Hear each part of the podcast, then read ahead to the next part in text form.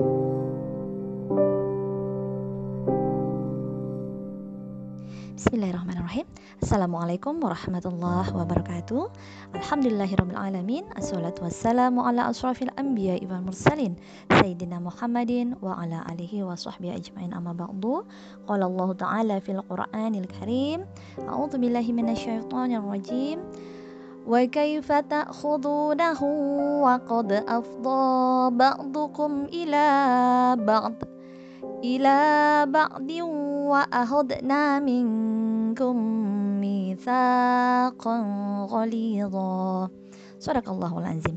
Alhamdulillah segala puji bagi Allah yang telah mempertemukan kita kembali di dalam rutinitas kita yang mungkin padat dalam seharian kita, dalam pekanan kita gitu ya. Tapi alhamdulillah kita masih ber, berkesempatan uh, dalam keadaan sehat untuk mungkin menyimak kajian kita berikutnya.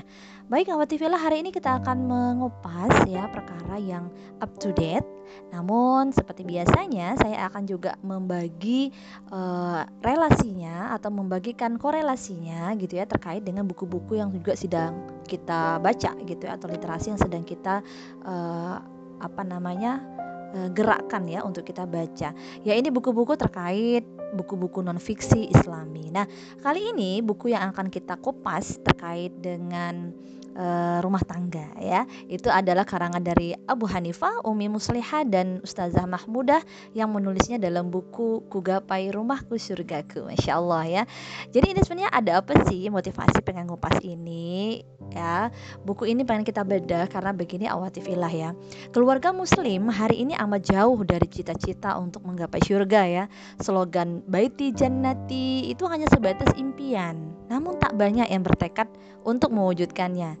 Lihatlah ya kita disajikan sama kasus nih adanya pembunuhan terhadap seorang ibu dan anak gadisnya di Kelurahan Banjar Serasan Pontianak ya baru-baru ini ya.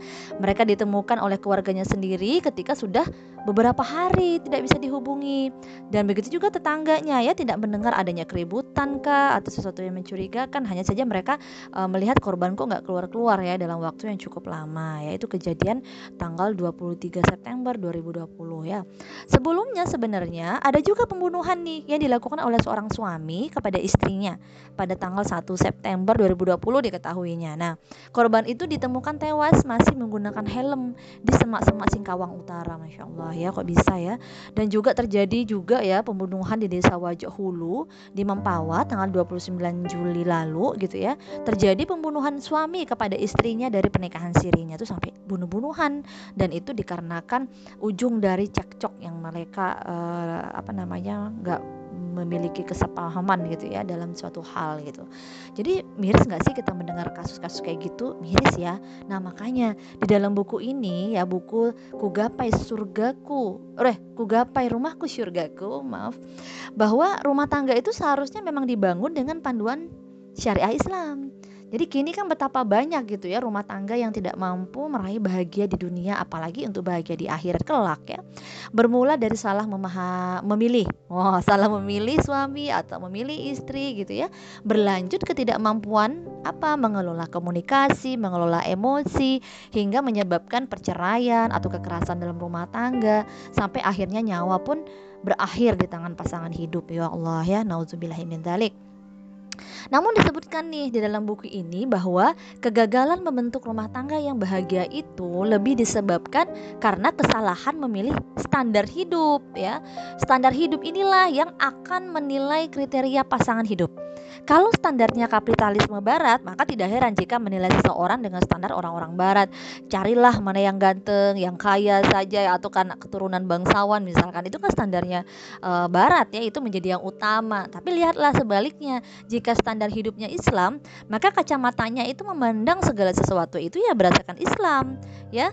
E, maksudnya adalah ketakwaan lebih diutamakan.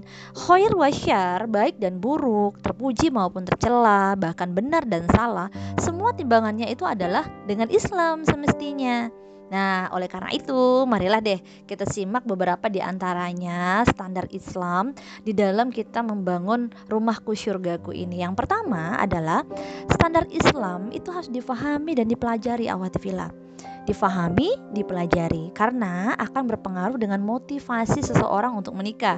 Bagaimana agar pernikahan terjadi antara dua sejuli, sejuli yang sekufu atau sederajat bukan dalam ukuran dunianya, tapi dari ketakwaannya. Maka siapkan diri dan istiqomahkan diri menjadi muslimah yang mulia dan gesit amal ibadah dan tangguh amal dakwahnya. Insya Allah juga jodohnya akan sedemikian rupa gitu. Kalau memang saat ini mungkin sudah menikah tapi kok suaminya tidak tidak takwa misalkan gitu, maka kitalah yang gitu uh, diamanahkan oleh Allah berarti gitu ya untuk mengajak sama-sama sesyurga nanti gitu. Nah, yang kedua, kita harus mempelajari tentang fikih munakahat atau seputar pernikahan itu sendiri. Misalkan tidak ada pernikahan tanpa wali itu ya. Bagaimana jika wali menghalangi putrinya menikah? Hanya harus tahu, bolehkah e, menikah dengan wali hakim misalkan. Lalu bagaimana tentang datangnya pria idaman yang memilih kita? kemudian bagaimana doa istikharah tentang melihat wanita yang hendak dinikahi dan lain-lain sebagainya. Jadi fikih munakahat diperkuat. Yang ketiga adalah melaksanakan pernikahan yang syar'i. Memahami dulu apa itu pernikahan gitu ya. Pernikahan haruslah dipercepat kalau sudah ada pelaksanaan khidbah gitu ya. Gak boleh dilama-lamain. Kalau sudah khidbah sudah sudah sesuai gitu ya, ta'arufnya berhasil, maka khidbah itu dilakukan. Jangan lama-lama lagi dilaksanakan akad nikahnya. Disiapkan maharnya, mas kawinnya dan dikuasai bagaimana itu ijab kabul dan seterusnya. Yang keempat, kita harus mengetahui hukum mengadakan walimah. Bagaimana menghadiri halimah? Bagaimana jika ada jamuan yang haram atau aktivitas yang tergolong maksiat di dalamnya? Bagaimana doa tamu kepada kedua mempelai dan lain-lain sebagainya? Itu juga harus diketahui ya berbagai macam hal terkait walimah. Yang kelima adalah mengetahui amal sehari-hari rumah tangga mukmin kita pelajari ya ibadah ya di malam pertama, doa sebelum dan sesudah jima, keharuman menceritakan gitu ya tentang jima itu atau tentang malam pertama nggak boleh diceritain ya. Bagaimana interaksi antara laki-laki dan perempuan di kehidupan khusus dan umum, bagaimana marah dan menasihati pasangan karena Allah ya kan? Bagaimana menutup aurat, menggunakan jilbab dan khimar, bagaimana hukum tabaruj dan lain-lain deh. Perkara yang ada dalam amal sehari-hari kita dalam hidup rumah tangga gitu ya. Lalu yang keenam ya ini menyiapkan diri menjalani kebahagiaan menyambut buah hati. Ini juga penting nih. Jadi pernikahan itu akan membentuk seorang ayah dan ibu yang serius dalam menyiapkan asuhan terbaik dan pendidikan terbaik bagi buah hatinya. Dari mendidik anak sejak dari kandungan, menyongsong kelahiran, azan di telinga bayi, tahniyah, tahnik, tasmiyah itu atau memberi nama nama gitu ya. Mengenalkan nama-nama yang disukai oleh Allah. Ada juga hati-hati ada nama yang paling buruk.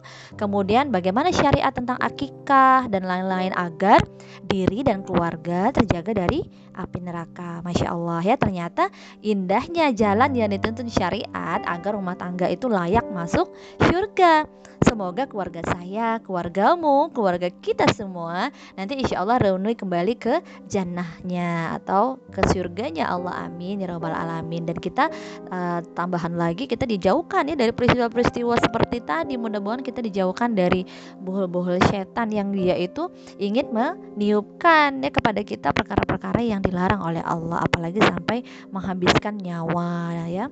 Itu nauzubillahimin kita tutup. Saya mohon maaf atas segala kekurangan. Wassalamualaikum warahmatullahi wabarakatuh.